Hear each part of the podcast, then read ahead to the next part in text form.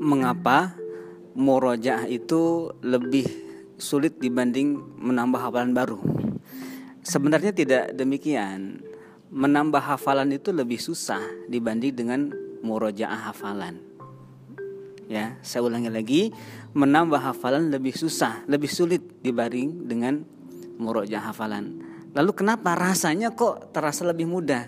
Itu karena menghafal, menambah hafalan itu ada syahwatnya ada nafsunya di situ sehingga didorong kuat sehingga terasa ringan. Padahal mah itu lebih berat daripada murojaah.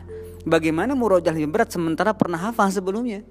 Mestinya yang pernah hafal itu lebih mudah dilakukan. Hanya saja murojaah itu sudah tidak nafsu di situ. Hilangnya nafsu yang tersisa sebenarnya hanyalah ikhlas. Nah pahala kita itu ada di murojaah itu